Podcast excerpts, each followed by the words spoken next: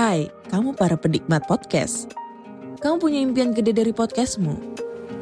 Terus First Story bisa banget bantu kamu. Mulai dari F-Link, Dynamic Audio Insertion, sampai statistik yang komprehensif. Semua ada di First Story. Gak ketinggalan kamu bisa monetisasi podcastmu lewat iklan dari First Story Ads yang bisa kasih kamu penghasilan dari setiap place podcastmu. Yuk gabung sekarang dengan klik di firststory.me. Sekali lagi, klik di firststory.me. Mari kita bawa mimpi podcastingmu menjadi kenyataan.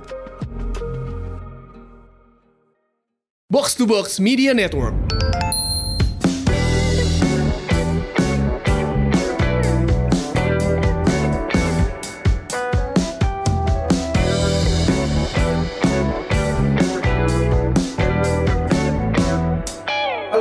Semurian, welcome back to Semur, podcast yang akan ngajak kamu untuk hidup sehat jasmani dan makmur finansial bersama saya, FX Mario, dan saya juga ditemani oleh Saya Liguina Hananto. Hai Semerian. Halo, halo, halo. Topik Wait. kita kali ini lucu loh, Mar. Ke- Jadi ada seorang Semurian. gue selalu merasa ini norak banget ya disebutnya Semurian, tapi gue norak bahagia gitu. Kita sebut ya namanya Cipto Ato. Dia Ya. twitternya namanya Kok Oto. Nah, ya, ya. Si Ko, Ko, Ko Otto ini menyarankan untuk kita membahas tentang pengenalan uang ke anak step by step di semur. Terus gue Hmm. bilang gak masuk kayaknya di semur bisa kali dia bilang Bisa, gitu. Dan- dan dibelok-belokin itu- aja. Nah, dan itu tuh sebenarnya nge-reply gue pernah ngebahas tentang ini Mar. Ah, Jadi gue bahas umur 17 sampai 21 itu definisinya young adults, um, remaja dan young adults. Jadi teenagers dan young adults ini adalah usia remaja dan dewasa muda. Dan Ya. kalau kita ngomongin uang di usia ini penting, tapi Mhm. cenderung untuk eksplorasi, eksperimen. mhm. Gue menolak untuk meracuni isi kepala mereka dengan ayo cepet kaya, cuan cuan cuan gitu. Yes, loh. yes, jangan, Menurut jangan, gue, jangan. gitu. Ya, ya. Jadi ini yang kita bahas karena karena Jadi, jadi kalau nggak gitu apa yang harus diajarin ke anak-anak ini? Nah, soalnya kan kita tuh ngelihat tren untuk cepet kaya tuh kan banyak banget ya di sekeliling Iya. kita kan ya Maria. Ah, ah. Nah, eh, sebenarnya pilar literasi finansial ini biar cepet dulu buat buat kayak i apa eh, prolog gitu ya. Pilar literasi finansial itu biasanya gue bahasnya tuh kids and money sama teens and money. Nah sekarang ternyata udah butuh di upgrade menjadi youth and money. Mhm. Sesuai dengan perkembangan umur anak, Mario. Yang kids and money gue ingat dulu kita pernah bawa anak-anak belajar belanja Iya, ke asli. Jadi- pasar. Pasti. Jadi ini buat semurian yang baru bergabung dan belum familiar, gue itu bikin perusahaan edukasi finansial namanya Kiam Financial. Mario itu punya gym namanya Infinite, Infinite Fit Camp. Yes, Nah. yes, yes. Mario dulu pernah kerja di kantor gue. Hmm. Jadi gue sama Mario tuh dulu pernah bikin project Kids and Money dan itu seru banget Ya. karena um, kita ngajakin anak-anak untuk merasakan bedanya belanja di pasar sama belanja ke minimarket. Aha. Dan tiap rumah kan beda-beda ya. Dan gue juga Iya. harus terus terang nih, gue tuh punya tiga anak dan tidak pernah gue bawa ke pasar tradisional. Tidak pernah. Karena ibunya juga tidak pergi ke pasar tradisional. Mbak Tolong tante-tante jaksel ini ya. Jalan lo ngetawain lagi.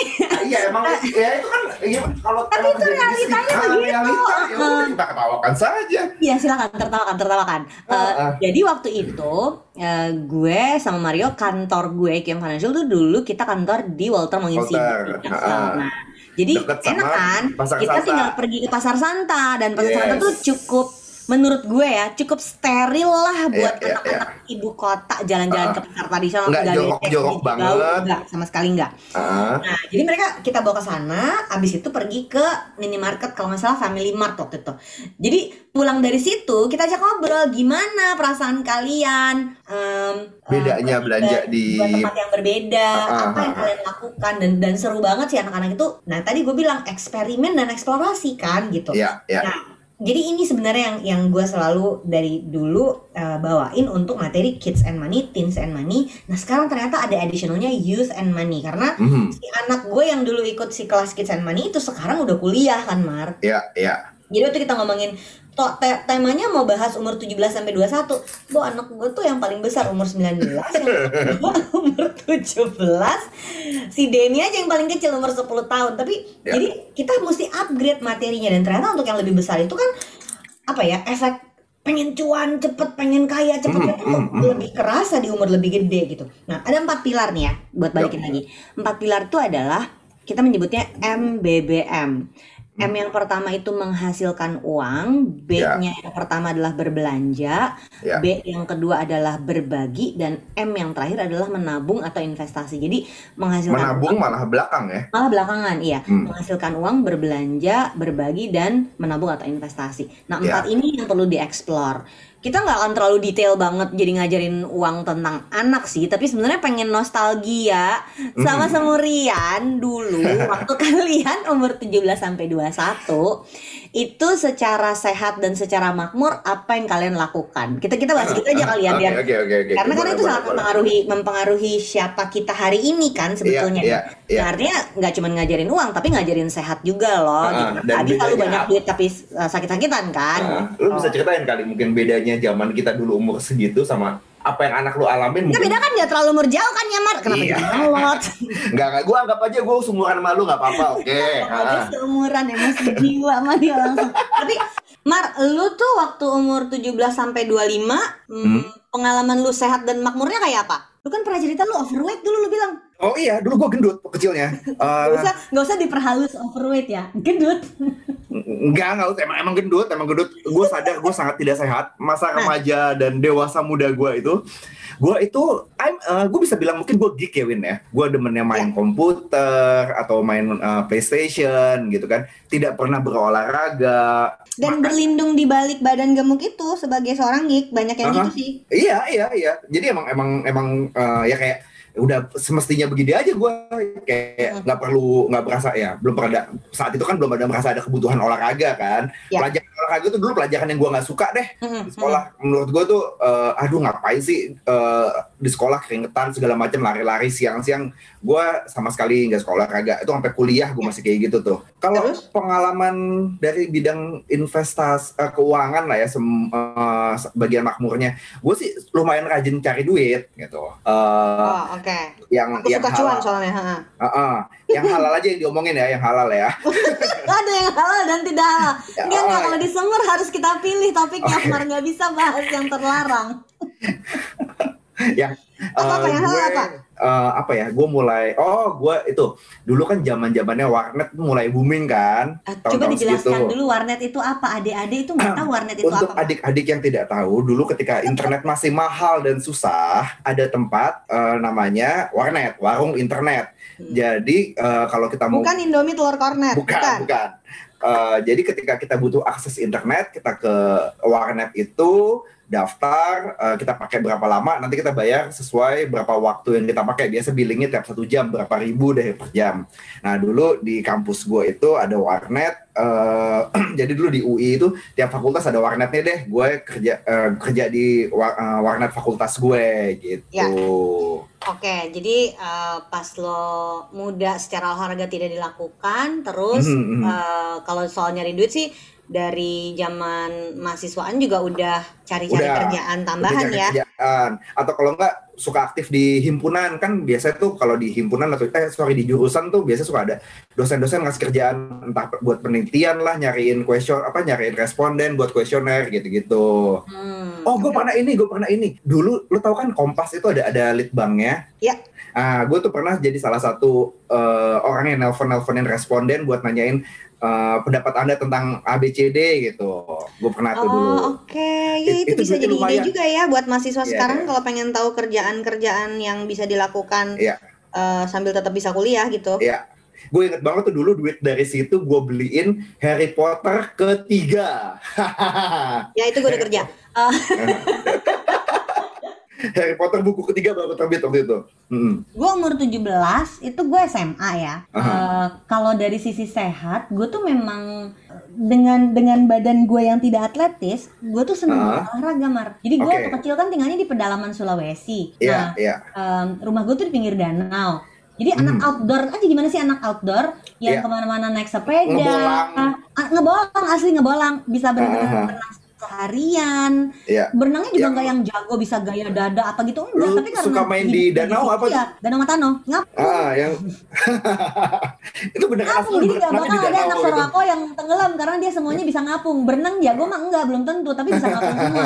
Jadi Oke. waktu kemudian pindah ke Bandung, Mhm. SMP ya pindah ke Bandung, itu gue kan mencari lagi dong eh, aktivitas eh, fisik apa. Iya, iya, nah iya. SMP itu pindah ke Bandung, gue ikut eh, klub badminton loh. SMP niat banget dan niat banget bener-bener Ekskul. bawa raket naik angkot sendirian itu umur berapa ya? Itu dari sekolah. Enggak sendiri, bener-bener nyari, Oh. minta diantar sama nyokap gue nyari. Terus di masa Oh. itu klub di Bandung yang terkenal tuh namanya klub Mut- Mutiara, adanya tuh di alun-alun. Jadi gue naik angkot Aha. sendirian dari Dago ke alun-alun demi bisa ikut klub badminton itu. Suka Mhm. banget.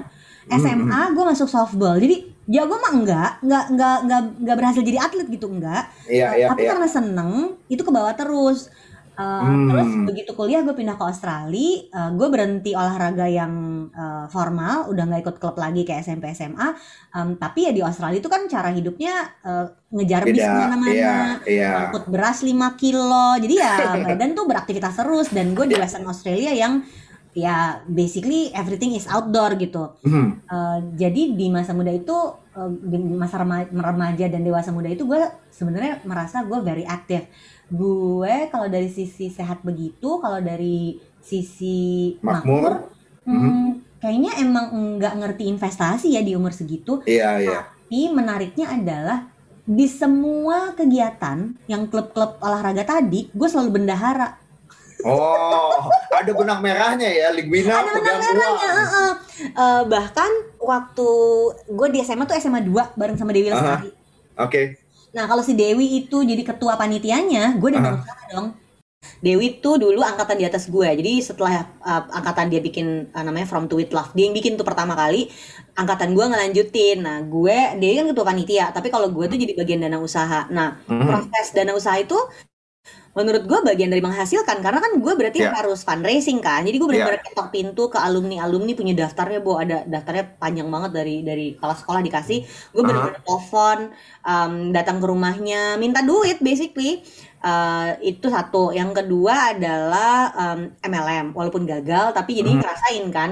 Merendahkan hati lo dan diri lo untuk jualan sebuah barang Ya. yang lo nggak percaya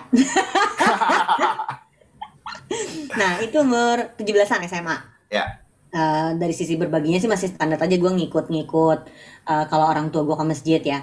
Em, kalau soal menabung dan investasinya, gue nggak bisa inget gue investasi apa. Tapi ya itu seneng bisnis kan dasarnya Mhm. gue. Jadi suka Mhm. jualan gitu. Gue suka Mhm. jualan-jualan gitu sama teman-teman gue dan pasti gue bagian jaga bazar deh di sekolah kalau ada acara-acara.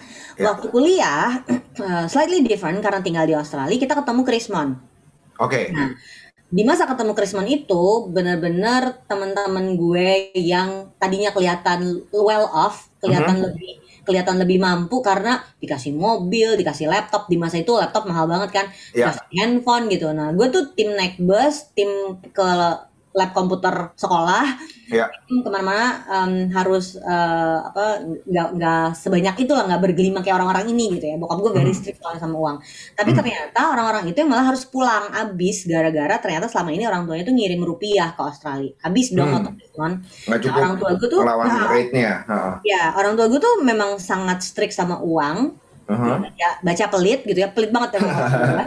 Tapi jadinya gue juga hati-hati karena gue sadar ini bukan duit gue gitu. Jadi kayaknya itu Ya. sangat membangun em, kedisiplinan diri soal uang sih menurut gue. Nah pas lagi Krismon itu saking mahalnya segala macam kalau dirupiahin, Ya. walaupun disupport sama orang tua, gue sama laki gue waktu itu benar-benar yang kita harus kerja. Jadi gue kerja jadi waitress di restoran. Kalau Aha. laki gue tuh sampai double job. Jadi dia pagi-pagi banget jadi cleaner, terus nanti Mhm. malamnya pulang dari kampus dia akan jadi uh, kitchen hand yang bagian cuci cuci piring di di dapur restoran gitu. Nah, dari sisi menghasilkan kayak gitu. Pas soal berbelanjanya ya karena memang namanya merantau kan, Ya. uh, pasti jadinya belajar dong mengatur pengeluaran. Tapi yang menarik adalah jadinya benar-benar gue sampai untuk makan mie instan aja saking takutnya lihat harga dolar Australia waktu itu makan mie instan aja nggak berani beli mie yang biasa kita makan belinya tuh bihun Thailand karena itu yang paling murah. Paling murah. oke. Jadi, Jadi itu kan makanannya aja lo downgrade ya.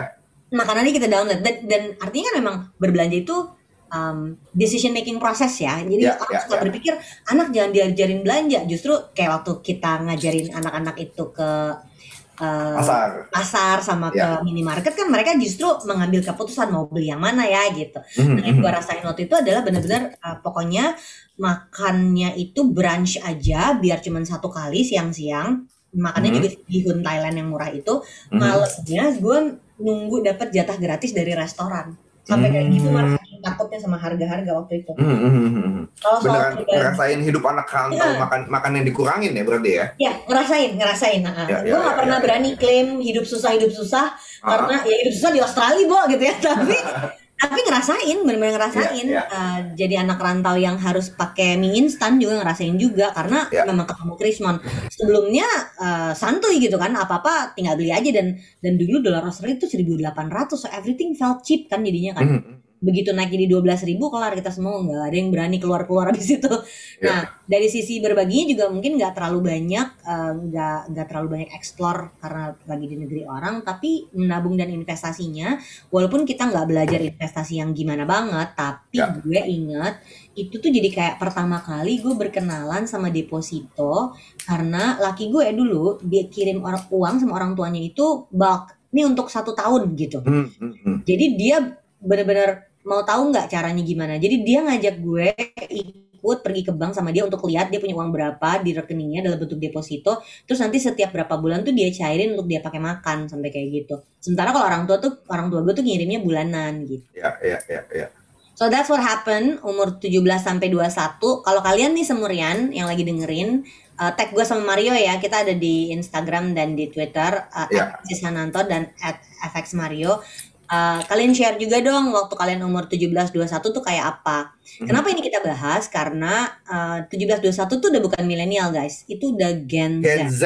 This is the next generation. Jadi kalau Yap, selama yap. ini kalian enek ya sama istilah milenial, milenial, milenial, selamat datang di istilah baru Gen Z ya. Milenial umurnya udah 26 sampai 40. Sampai 40. Ya, you Uh-uh. guys are no longer Iya. Gitu. Iya.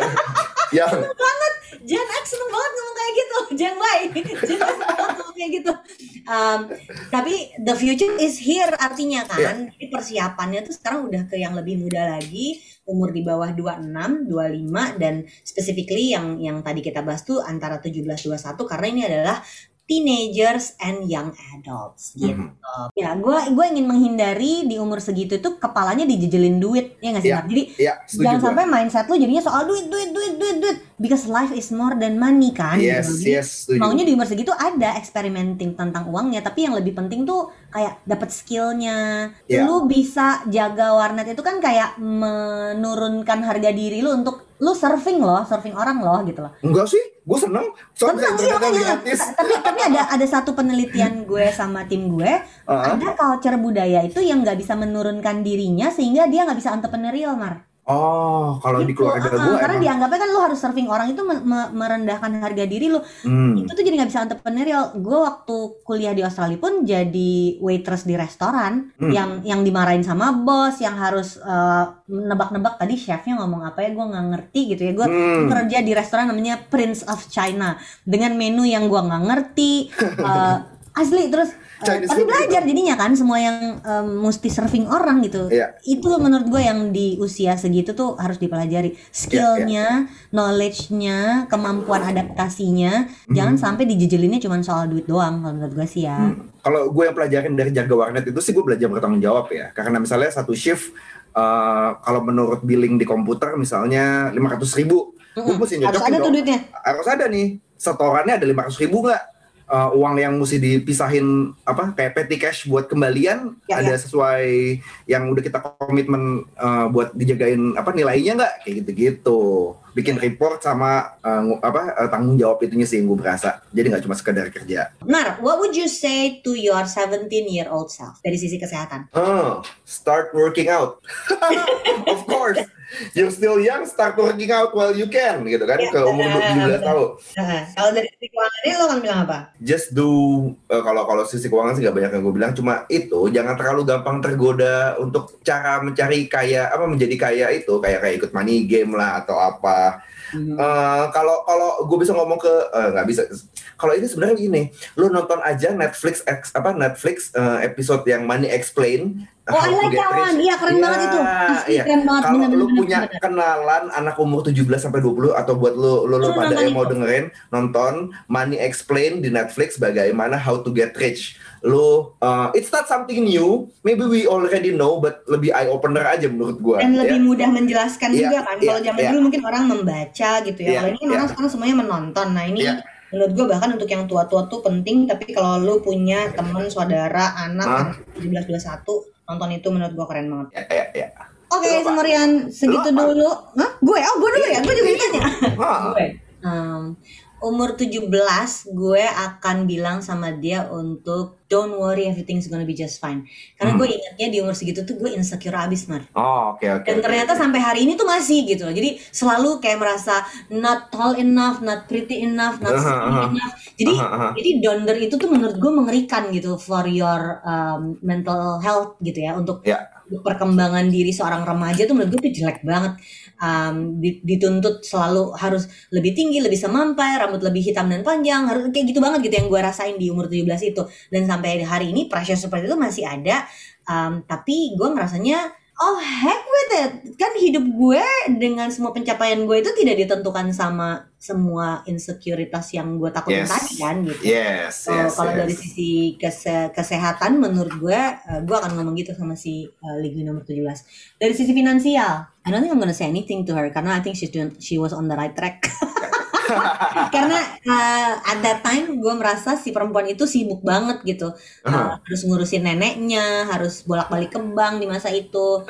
really enjoying it dan menurut gue belajar di dana usaha pensi itu di umur 17 sangat banyak membantu eh, apa ya hustling gue hari ini gitu. Hmm, hmm, hmm, hmm, hmm, hmm.